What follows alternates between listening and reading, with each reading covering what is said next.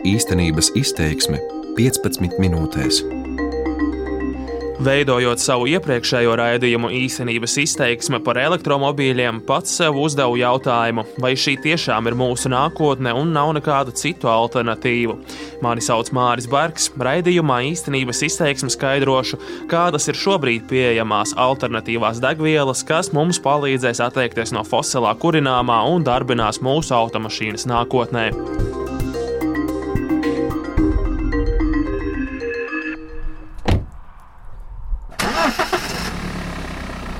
Iekšdedzes dzinēji nodrošinājuši mūsu transporta vajadzības gadu desmitiem un bijuši loģistikas un apgādes sistēmas stūrakmens.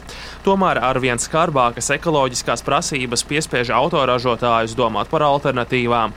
Elektroautorāti pagaidām tiek uztverti neviennozīmīgi. Tie nespēja konkurēt ar ierastajām automašīnām nobraucamajā attālumā ar vienu degvielas uzpildi, un tie ir arī ievērojami dārgāki.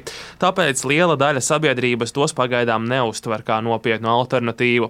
Lai iedrošinātu plašākas tautas masas braukt ar elektrību, autoražotāji arvien plašāk piedāvā mašīnas, kas apvieno gan elektrības, gan benzīna sniegtās iespējas. Jā, tā ir šobrīd labākā versija versija vai labākā iespēja lietot vienu automašīnu un braukt, eh, kā piemēram šeit, Ogrē.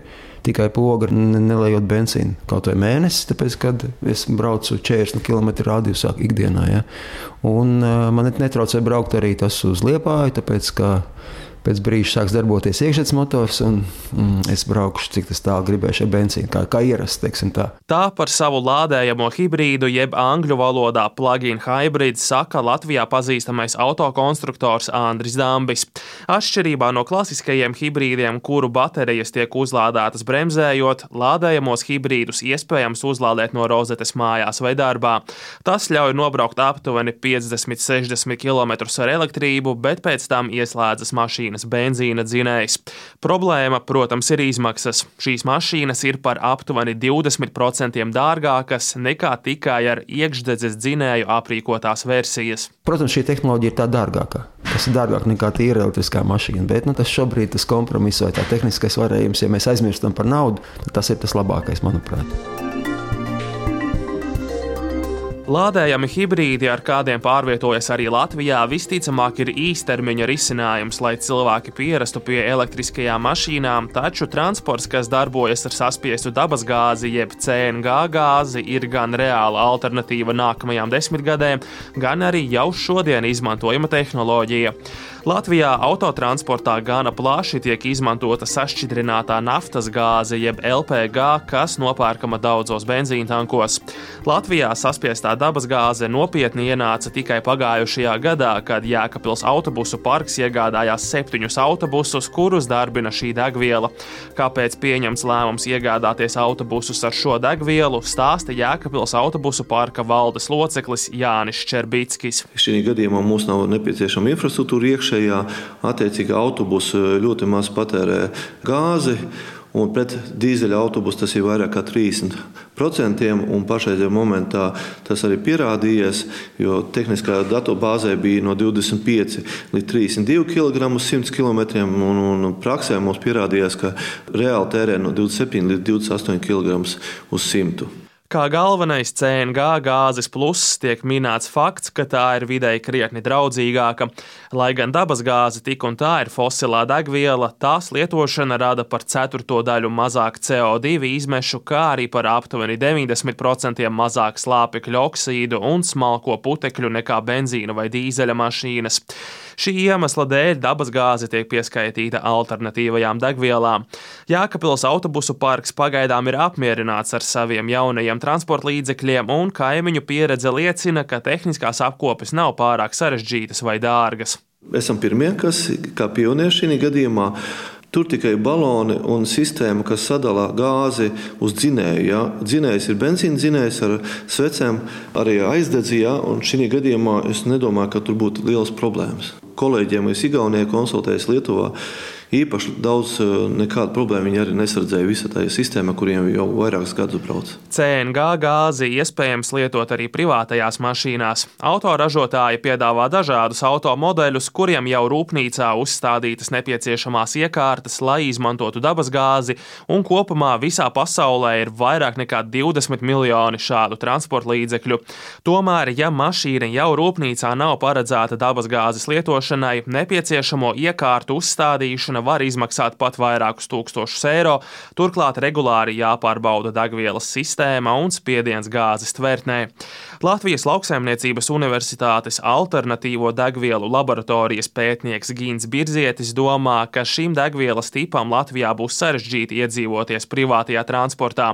Šobrīd ir tikai divas dabasgāzes uzpildes vietas visā valstī. Šomēnes paredzēts atvērt trešo. Dabasgāze faktiski ir vairāk tā kā varētu būt kā risinājums kaut kādiem slēgtiem autoparkiem, jā, vai tie kaut kādi autobusu parki, kuriem ir pieeja šī dabasgāzes jau varbūt vai, vai infrastruktūrai, tādai plašai lietošanai kaut kādā nu, esošajā vieglo automobīļu autoparkā. Nu, tā perspektīva nu, es īsti neredzu, jo ņemot vērā to, ka tā infrastruktūra mums, kā jūs minējāt, nav attīstīta, faktiski viņas praktiski nav. Jā, lai attīstītu jā, šo infrastruktūru, jā, nu, tur jāveic ļoti lielas investīcijas. Satiksmes ministrijas parlamentārais sekretārs Jānis Butāns no konservatīvās partijas gan domā, ka tieši dabasgāze un elektriskās automašīnas uzskatāmas par galvenajām tehnoloģijām, kas nākotnē darbinās autotransportu Latvijā. Galvenais, uz ko uzsvars varētu būt no valsts puses, kur mēs redzam tieši vislielāko iegūmu, ir, ka dabasgāzi izmanto komerctransportā. Tie ir autobusi, atkritumu izvedēji, kaut kāds smagais transports, piegādes transports, kurš pārvietojas darbojas pilsētā, tādējādi samazinot eh, piesārņojumu. Un savukārt privātajā transportā tomēr redzam nākotnē šo elektromobīļus tos vairāk izmantot. Tātad divi galvenie virzieni, kur eh, valsts varētu koncentrēt savu atbalstu un eh, normatīvu aktu izstrādi.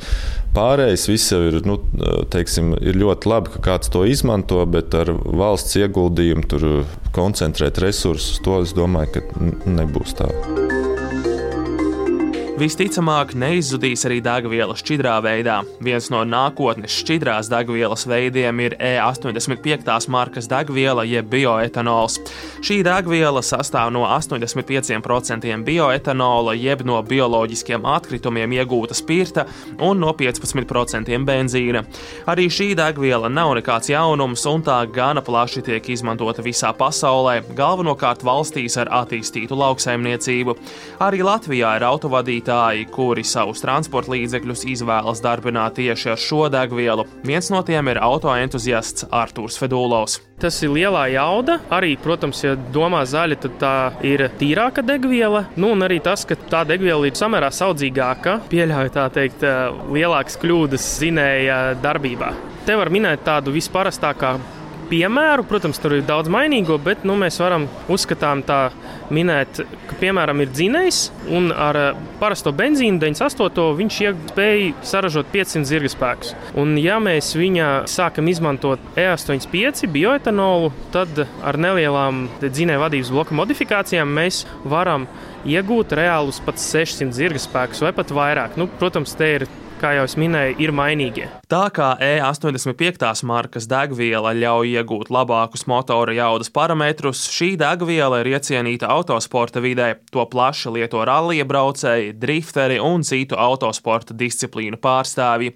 Jau daudzus gadus degvielai pievienota tā saucamā biokomponente, jeb etanols.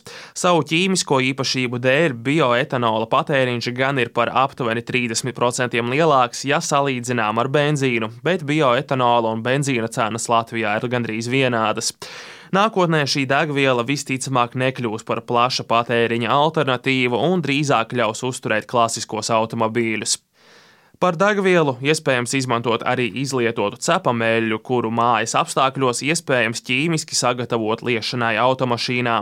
Tāpat tiek strādāts pie iespējām iegūt biodīzeli no dažāda veida atkritumiem, taču galvenā elektrības alternatīva ir meklējama citviet Tas ir ūdeņradis. Ar ūdeņradi darbināmas mašīnas eksistē, taču šī tehnoloģija dažādu iemeslu dēļ pagaidām nav iedzīvojusies. Kodola fiziķis Agris Auce Latvijas radio raidījumā Zināmais nezināmajā stāstīja, kur un kā ūdeņradis tiek iegūts. Šobrīd lielākā daļa ūdeņraža tiek iegūta no fosilā kurināmā, viņu īpaši apstrādājot. Kā perspektīva droši vien liela apmēra ūdeņraža ieguvēji ir saules enerģija, kā nu viņu var konvertēt ūdeņradīt caur ļoti augstu temperatūru vai elektrolīzes ceļā. Un otrs ir izmantojot īpaši augstas temperatūras kodola reaktorus. Eh, šai gadījumā realistiskākā tehnoloģija būtu šķidrā nātrija reaktori. Šķidrais nātrijs vairāk ir pazīstams kā reaktors, ko izmanto uz kaujas kuģiem un zemūdenēs, bet arī civilie šķidrā nātrija reaktori ir diezgan plaši izplatīti. Lai arī ūdeņraža pielietojums transportā vēl ir šķietami tālākā nākotnē, tomēr vairāki autoražotāji un valstis attīsta šo tehnoloģiju. Lielāku uzmanību tam pievērsušas Āzijas valstis, Japāna un Dienvidkoreja, bet Eiropā viena no tādām valstīm ir Vācija, kur līdz šī gada vasarai jau strādās simt ūdeņraža uzpildes stācijas, kas tapušas ar Vācijas valsts atbalstu. Arī Rīgā īsi pirms svētkiem eksploatācijā tika nodota ūdeņraža uzpildes stacija, kurai būtu jānodrošina pilsētas sabiedriskais transports, taču vismaz pagaidām reāla pielietojuma tai nav. Stācija Rīgā izmaksājusi vairāk nekā 16 miljonus eiro. Rīgai saražotie ūdeņraža trolēbusi ir pirmie pasaulē, bet citvieti izmanto ar ūdeņradi darbināmus autobusus. Vācijā strādājošais uzņēmums H2 Mobility ir lielākais ūdeņraža stāciju uzturētājs pasaulē, un organizācijas rīkotāja direktors Nikolas Īvans Latvijas radio skaidroja, kas ir lielākais ūdeņraža kā degvielas pluss pret elektroautorātu the, uh, the speed of charging or refueling at a hydrogen station Uzlādes vai drīzāk uzpildes ātrums ūdeņraža stacijās, ja to pārvēršam elektrības terminos, ir aptuveni 3000 kW. Tātad mašīnas bākā enerģija ieplūst ar ātrumu, kas pielīdzināma uzlādai ar 3000 kW spriegumu. Ja runājam par elektrisko uzlādi, tad mājās labākajā gadījumā varam lādēt ar 7 līdz 10 kW, bet ātrās uzlādes stacijās 50, 100, varbūt 150 kW. Tā ir cita pasaule.